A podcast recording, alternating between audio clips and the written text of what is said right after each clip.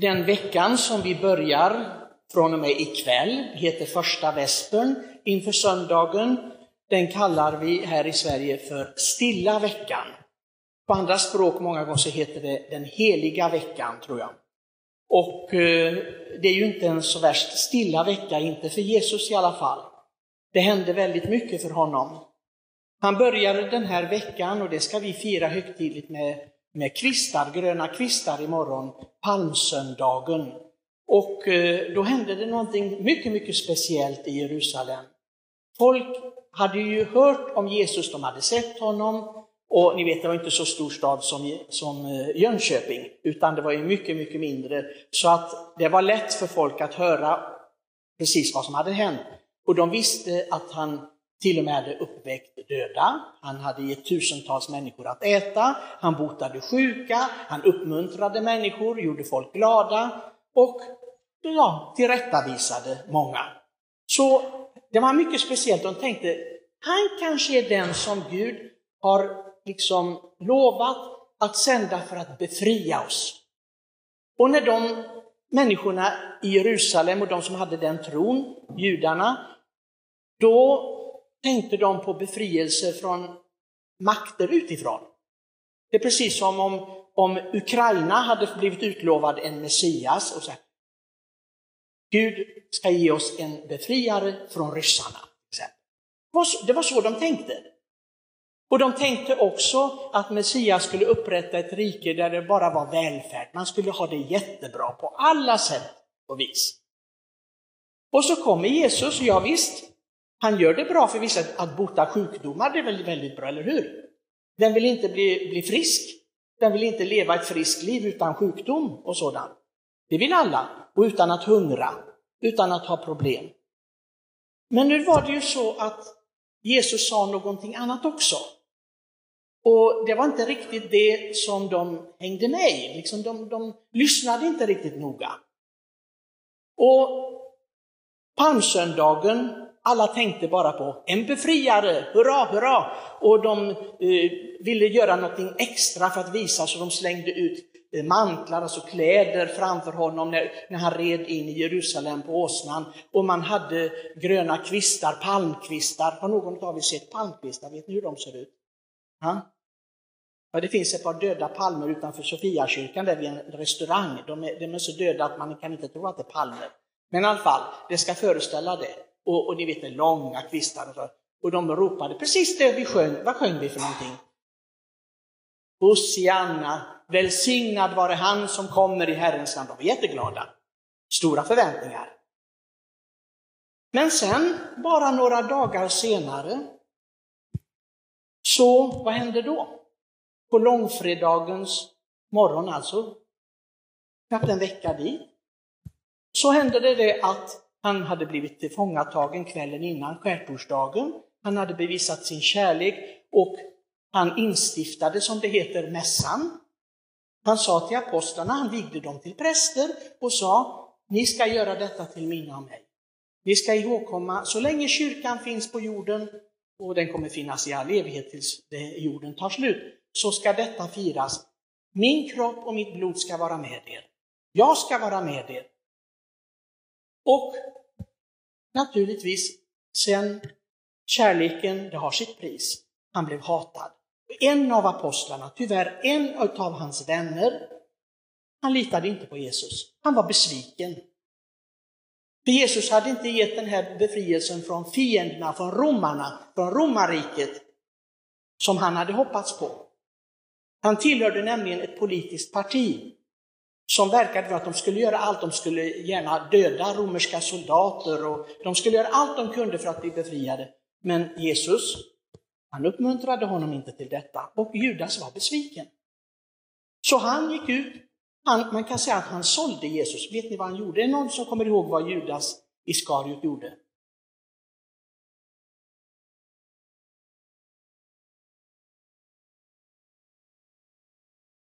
Vet ni hur mycket, kommer ni ihåg hur mycket pengar det var? Det var jättemycket pengar. Är det någon som kommer ihåg det?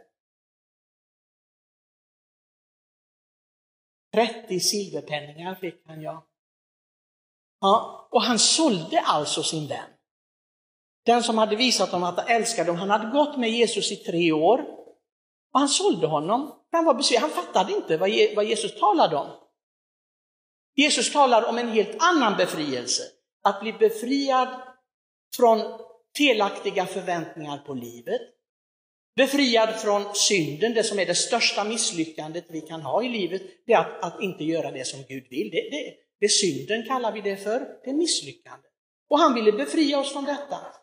Befria oss från en felaktig kärlek, att älska sådant som vi inte ska älska, för det håller inte i längden.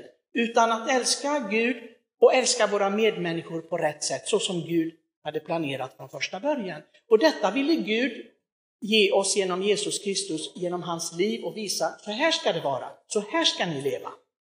Den befrielsen ville han ge. Inte befrielse från människor som gör felaktiga saker, för det ingår i att vi får, så att säga, ha tålamod med varandra. Men vi kanske tycker att det låter konstigt att människor som jublar och applåderar, heja Jesus, tack för att du kom, du ska befria oss. Och sen bara några dagar senare, vad skriker de då? Och det är samma människor. Kommer ni ihåg vad de skriker för någonting? Det är någon, ingen annan än du som vet det. Just. Bort med honom, bort med honom, korsfäst honom, korsfäst honom. Det var människor som hade varit med om det. Det var människor också som hade blivit helade, för de opponerade sig inte. Det var ingen som skrek nej, nej, nej, nej, nej, han har botat mig. Jag vet vad Jesus går för. Ingen! Otacksamma, allihopa otacksamma. Tänka sig att du har varit, gått omkring blind hela ditt liv, för det var sådana som var blinda och du inte ser någonting, går omkring där och eh, eh, det fanns ju inga hjälpmedel som vi har idag med, med, med eh, ledhundar och, och, och sånt. ingenting, utan var du handikappad på något sätt, du fick klara dig bäst du, du kunde. Om du hade släktingar och vänner som hjälpte dig så okej, okay, annars så, samhället hjälpte ingen.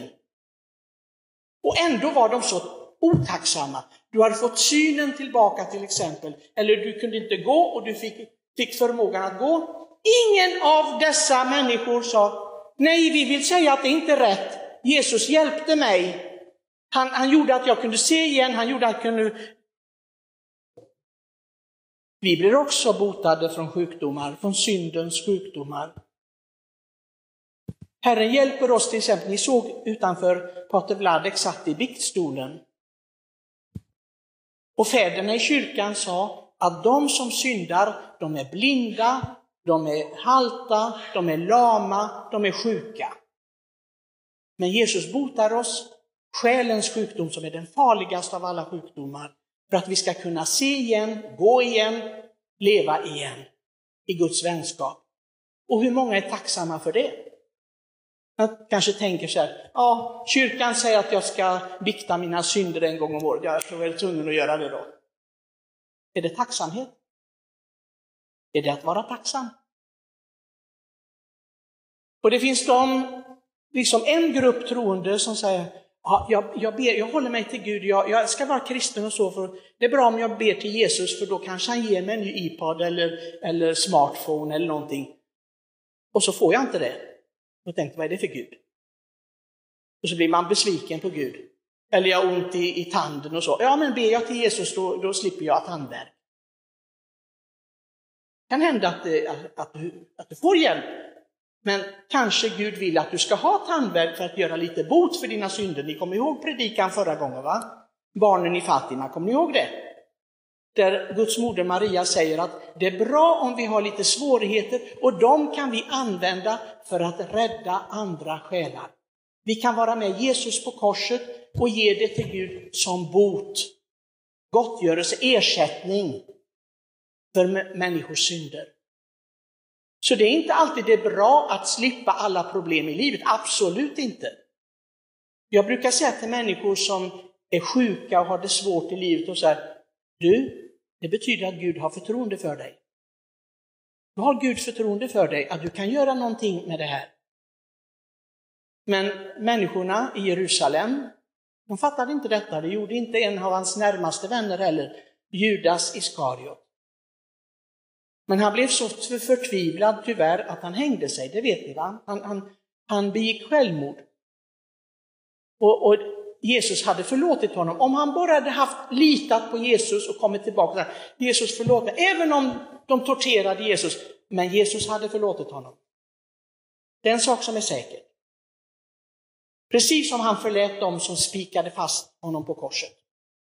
Men han ville inte ha den förlåtelsen. Han var så besviken på Gud att han ville inte ha den. Han hellre förstörde sitt eget liv. Ni förstår vad hemskt. Och vi, vi, vi ska alltid ha förtroende för Gud. Det som den här berättelsen som vi firar nu, Jesu liv, det sista i hans liv, lidande och död, det handlar just om detta. Ha förtroende för mig. Jag visar dig vad en människa kan gå igenom, det hemskaste som en människa kan gå igenom. För ni vet att Jesus ropade på korset, en av de sista sakerna. Men varför har du övergivit mig min Gud?